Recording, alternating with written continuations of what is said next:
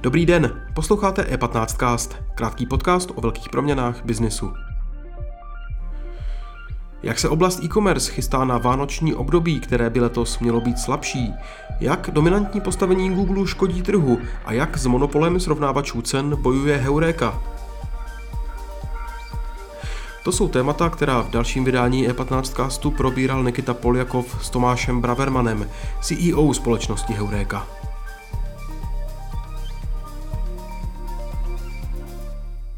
A teď už tu vítám Tomáše Bravermana, CEO společnosti Heureka. Tomáše, krásný den. Děkuji za pozvání, zdravím. Obrat e-shopů včera ve třetím čtvrtletí meziročně klesl o 5%. Váš komentář eh, samozřejmě je, že ono to vypadalo, že čísla budou eh, na nule, ale v září jakoby se ta situace relativně zlepšila. Jak, jak, jaká je situace teď na trhu? Takhle, léto bylo docela dobrý. Takhle, první a druhý kvartál byly špatně, ale tam jsme se srovnávali prostě s lockdownama, tak tam to jako bylo celkem očekávaný. Eh, léto bylo docela dobrý a vlastně od září to jde dolů. Říjen už byl jako dost špatný a ta, ta trajektorie není nic moc, takže já teď nemám úplně přesně čísla, jak dopadl říjen, ale jako jsme rozhodně pod loňském řádově i jako double digits. Mm-hmm. A vidíte nějaký sentiment negativní na tom trhu? My jsme se jakoby před spuštěním uh, tohle podcastu jak na Mátkově bavili o tom, že spousta firm musí přemýšlet, jak optimalizovat náklady. Vidíte u vašich partnerů, klientů, uh, že se tohle to děje? Ne, jasně, tak celý je to o sentimentu, ten sentiment ve společnosti nebo v ekonomice obecně jako teď není moc dobrý. Um, a šetření se děje všude, já myslím, že to je, to je evidentní. Obecně e-commerce trh prostě je dole, eh, je pod očekávání, ale myslím si, že obecně e-commerce trh má prostě tu výhodu, že je jako agilní, že je daleko méně závislej na, na, na energiích a tak dále, takže já si, já si myslím, že e-commerce trh to dá. Jestli já mám o něco obavy, tak je to spíš průmysl samozřejmě. Ale záleží hrozně na sentimentu. Já myslím, že teď, teď se jako dost v tom bude projevovat zastropování a, a věřím tomu, že to, že to bude dobrý. I když zase nenalhávejme si, že ta krize, do které teď vstupujeme, která přináší bezprecedentní inflaci, tak, tak jako pomine mávnutím kouzelného proutku. Mm-hmm, váš kolega, investor, kolega tvrdí, Vánoce sledují s mírnou obavou, jelikož mnoho věcí se už nedá přesně naplánovat plánovat. Je to ten problém e-shopu vlastně, že letošní sezóna je blbá, řekněme v tom, že my nevíme, kolik Čech bude chtít a bude moct letos vlastně na Vánoce utratit, takže se může stát, že logistický sklady budou plný věcí, na který se prostě půjčili peníze, které ty e-shopy nebudou schopný příští rok vrátit. No, to tak je a už teď to tak je. Ty, ty sklady jsou skutečně jako hodně, hodně plný. Samozřejmě všichni doufají, že sezóna se rozběhne, že lidi budou nakupovat, ale jak moc budou nakupovat, to je velká otázka. Ono je taky potřeba si uvědomit, že jsme relativně krátce po covidu, kdy naopak to znamenalo jako ohromný boost pro e-commerce. To znamená, spousta těch firm prostě nabůstovala svoje kapacity, ať už na skladech, lidech a tak dále. A některé eh, náklady se dají eh, omezit, katovat, eh, což jsou například lidi, ale některý se nedají. Když prostě máte nově vybavený sklad a máte tam spousta nového vybavení, tak to jen tak jednoduše neprodáte. Mm-hmm. Je v této krizi, nebo v této nastupující krizi rozdíl mezi firmou jako Heureka, která má za zády třeba silného investora versus firmy, které toho investora za zády nemají. Je to tak, že um, vlastně je to taková předzvěst toho, že vás vlastně někdo dlouhodobě podrží versus hele, teď sázíme všechno na jednu kartu? Já myslím, že tohle platí jako úplně obecně. Prostě cash is king a, a, a jako mít ať už rozumný finanční polštář nebo za, za zády eh, jako investory, který podrží, tak to jako bude v krizi, nebo je v krizi obecně hrozně důležitý. Já musím říct, že nám se jako poměrně eh, daří. Eh, myslím si, že jsme meziročně furt nad Loňském, což je daný podle mě dost tím, že jak lidi šetří, tak vlastně Heureka je jako ideální produkt, ideální služba pro šetření, takže mm, ale samozřejmě ty samotné nákupy tak jsou, jsou nižší, kupují se levnější věci než loni, takže obecně ta marže, kterou e-commerce vygeneruje, tak, tak je nižší. Mm-hmm. Vaše jméno a jméno vaší značky se objevuje ještě u jednoho tématu, který teď rezonuje a to je vlastně já to nazvu dost jako hokinářsky, je to válka, válka s Googlem, válka s Moky, je taková parafráze. Bojují všichni, jsou to mediální domy, jsou to i vlastně srovnávače. Um, vám a vlastně i vašim konkurentům, ale v tomhle tom boji vadí, že Google ve vyhledávání nadále upřednostňuje svůj srovnávač cen. I nehledě na to, že ta Evropská komise přiznala, tak Google pokutu nezaplatil. Vy teď znova vyzýváte Evropskou komisi k tomu, aby tu uh, situaci prošetřila prostřednictvím vlastně nějakého dopisu eurokomisařce Verstagerový. Jaký je současný vývoj v této situaci? Jo, to je hrozně nadlouho, tak já to zkusím nějak eh, sumarizovat. Um, Google zneužívá svého dominantního postavení, to je eh, jasně mm, jako, to je daný, vyřknutý Evropskou komisí, potvrzení Evropským soudem. Eh, a já teda na začátku taky chci říct, že já si jako Google vážím a vlastně to, že Google dosáhl extrémně, ale pro extrémně dominantního postavení, je jejich zásluha. O tom jako není sporu. Na druhou stranu dominantní postavení zkrátka škodí, škodí celému trhu a je potřeba to řešit. No.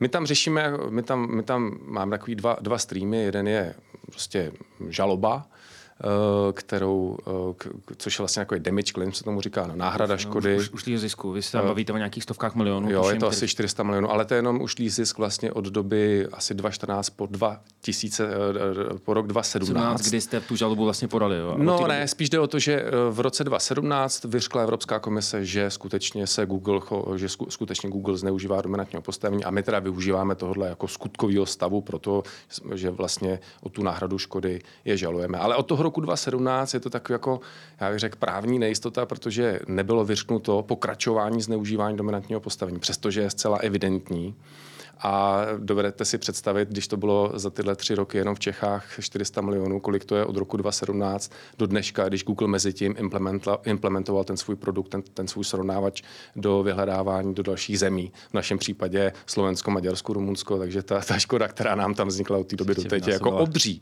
Ale eh, pro nás v zásadě eh, není až tak zásadní, eh, aby jsme z nich vymohli tu škodu.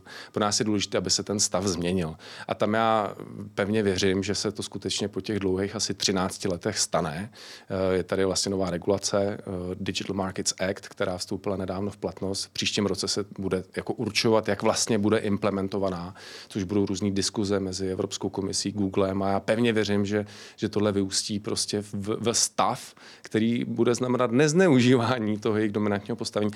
A na závěr bych chtěl říct, že to není jenom o e-commerce. Sám jste zmínil, že těch, těch oblastí, těch trhů, kde se to řeší, je X a to, jak se Google eh, chová v e-commerce, tak se chová i v dalších jako řádově deseti různých trzích. Akorát, že v e-commerce je, je to nejdál, protože s e-commercem začali. Takže já myslím, že to je extrémně důležitý precedent a, a je skutečně hrozně důležitý, aby Evropská komise, ale dneska už je vidět, že i Amerika to řeší, tak aby se skutečně, aby se s tím skutečně něco stalo reálného. Eh, vy máte svůj názor, pohled na to, proč, eh, nehledě na vlastně všechny ty změny v posledních pěti letech, ať už v evropské legislativě, pokuty, výzvy. Ehm, ten progres je tak pomalej? Je, no, to lobby, je to lobbyingem Google na evropské půdě, je to vlastně nízkou aktivitou a efektivitou subjektu jako jste vy. Co je vlastně váš take na to? Jako my to řešíme 13 let, to je strašně dlouhá doba, mezi tím samozřejmě globálně eh, mnoho a mnoho srovnavačů cen eh, jako muselo zavřít, takže ano, jako je to pomalý, ale já myslím, že to je celkem obvyklý, vždycky, vždycky je biznis rychlejší než, než regulace, eh, tak to zkrátka, tak to zkrátka je. Já, já obecně nejenom, že to řeším z pozice CEO Heureka Group, ale mám na, to, mám na to i celkem jako jasný názor z pohledu člověka. Já si myslím, že ta situace, která eh, vzniká, je fakt jako velká, ale opravdu hrozně velká hrozba. Google prostě má dominantní postavení v v, vlastně v celém digitálním světě, protože na začátku eh, jakýkoliv digitální cesty, jakýkoliv uživatele. Search, jako vyhledávání, je prostě vždycky na začátku. Takže když si vezmete, jakým způsobem se Google posouvá vertikálně, horizontálně, tak vlastně se tady bavíme o tom, že Google eh, má možnost eh, díky tomuto jako dominantnímu postavení opravdu ten digitální svět jako pojmout. A ať Google vlastní, kdo vlastní, ať, ať je to good guy nebo bad guy, tak ta, ten fakt, že by digitální svět byl v rukou jako několika hráčů, je prostě jako ohromná společenská hrozba. Mm-hmm. Ještě jedno téma, Tomáši, který možná nepřímo se toho týká, a to je téma marketplaceů. Vy vlastně vytváříte svůj obří marketplace, kolem, kolem nás vlastně těch marketplaceů vzniká víc, které taky jako analogicky trošičku jakoby pohlcují uh, část uh, trhu.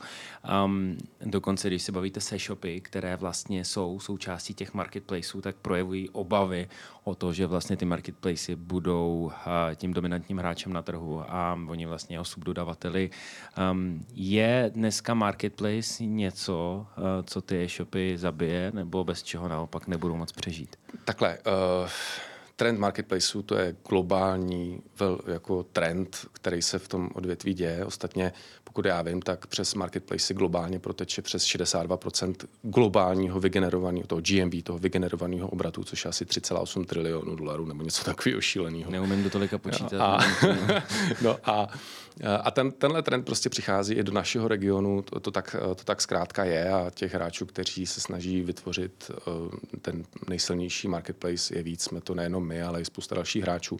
Ale eh, na vaši otázku, já si nemyslím, že by to eh, jako ohrožovalo eh, e-shopy, prodejce. Prostě marketplace furt, jako pokud to je třeba marketplace, který vytváříme my, tak je to furt jako jenom jako místo, kde se střetává ta nabídka s poptávkou, ale to neznamená, že ta nabídka, ta nabídka je stále potřeba vykrýt. Takže já chápu, že e-shopy to vnímají kdy negativně v tom, že ten uživatel nepřijde na jejich web. To je, ale... ten, ano, to je vlastně ta debata. Oni nám berou lídy, oni nám berou to know-how, to znamená, oni znají toho zákazníka, já už ho neznám, to znamená vlastně bez nich do budoucna, bez jejich jako know-how, bez jejich dat, vlastně, bez jejich touchpointů, se vlastně k tomu klientovi nedostanu. To je ta vlastně ta obava, jo? když ji přenesu na eh, stejně na třeba mediální trh, tak je to něco jako, když ke mně nechodí na můj direct, na moje webovky, ale chodí přes vyhledávače Google, tak vlastně ten Google zná mýho klienta, já ne. Tohle je ta, ta debata. Jasně, já si myslím, že marketplace pro e-shopy mají své výhody a své nevýhody.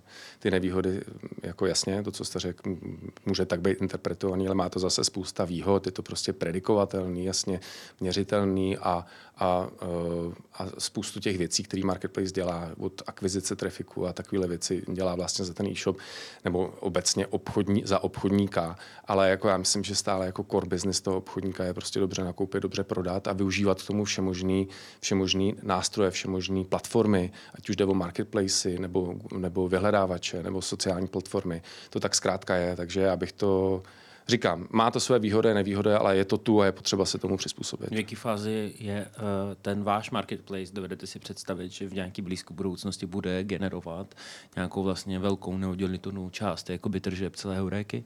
Nám už dneska dělá skoro 10%, mm-hmm. takže není to úplně malý. My vlastně za ten rok vygenerujeme asi 100 milionů euro, takže uh, eh, 2,5 miliardy takže stá, je, roste nám, roste nám jako pod rukami, jak se říká, takže, takže ano, nám roste krásně, ale je tam ještě spousta, spousta věcí, které nám chybí pro to, aby ten marketplace byl, byl skvělý, byl nejlepší. A, co například, co je, co, je, co je to, co vy vidíte, že je potřeba ještě posunout? Hmm, no, uh, Obecně marketplace, aby dobře fungoval, tak má nějakých základních pět jako oblastí nebo propozic. Je to cena samozřejmě, tam si myslím, tam furt máme co dělat, aby jsme měli nejvýhodnější cenu. Je to výběr, tam máme 6 milionů produktů, taky je tam jako room to improvement, jak se říká, ale ale pak je, to, pak je to bezpečí, tam si myslím, že jsme, že jsme dobře. Uh, convenience, uh, relativně slušný, když máme co dělat. Ale to, co nám nejvíc chybí, a to je odpověď na vaši otázku, je vlastně taková ta logistická propozice. To znamená, aby skutečně jsme ty logistické možnosti měli plně pod kontrolou a, a řídili a byli a těm uživatelům dávali právě ty možnosti, které chtějí. A tam si myslím, že nám chybí úplně nejvíc. I proto jsme vlastně nedávno akvírovali společnost Balíkobot, která nám má k tomu pomoct a, a tam nás čeká nejvíc práce. Mm-hmm. Máš ještě než náš dialog uzavřeme, chci se zeptat, eh, na, taky nahráváte podcast a dokonce už nějakou dobu, jak to, že ještě jste schopen toho tak dlouho vydržet. Jo, jo, podcast, no. Dneska zrovna jsme dali ven 50. díl, což mě samotně překvapilo, tak z toho s mám kým, radost. S kým, s kým to máte? S Filipem Podstavcem, nevím, jestli znáte, takový český SEO guru, zakladatel eh, marketing minerů. Skvělý rozhovor, bavíme se nejenom o SEO, ale i o tradingu a kryptu a tak. No, co, co vás ještě drží u toho? Uh, takhle, já, jako já obecně podcasty miluju uh, hrozně moc, já obecně rád konzumuju obsah ušima, navíc mám trochu problémy s očima, takže potřebuji jim nechat občas dát pomoc. A když něco miluješ, tak to chceš dělat, takže, takže to byl jeden z důvodů. Druhý z důvod, proč jsem začal, že já vlastně mám jako velmi zajímavý network lidí kolem sebe a vždycky, když jsem s nimi byl na kafe a povídal jsem si o něčem, tak jsem si říkal, sakra, tohle je skvělý obsah, to bych chtěl jako proč dát. Ta, no, proč to neví víc lidí? No, no, no. Takže jsem jako vlastně tohle trochu změnil, že už s těmi lidmi nechodím na kafe, ale rovnou si je zvukem mě do podcastového studia a natáčíme, natáčíme podcast. Takže mám to hrozně rád, jako já upřímně se přiznám, že se na to nějak moc nepřipravuju. Freestyle. Točím to jednou, jednou za 14 dnů, takže ta časová jako investice, uh, investice kterou do toho dávám, není nějak zásadní a, a jako hrozně mě to baví a mám na to super ohlasy, takže, takže najdete nás všude na podcastových apkách, na YouTube s videem Heureka podcast Tomáše Bravermana. no tak krásný a promo nakonec. Já Tomáši díky, že jste dorazil, přeju vám dalších 50 úspěšných dílů podcastu a business ve Huréce. Mějte se. Díky moc, nasle. Díky za pozornost. E15cast můžete poslouchat ve všech podcastových aplikacích a na webu e15.cz.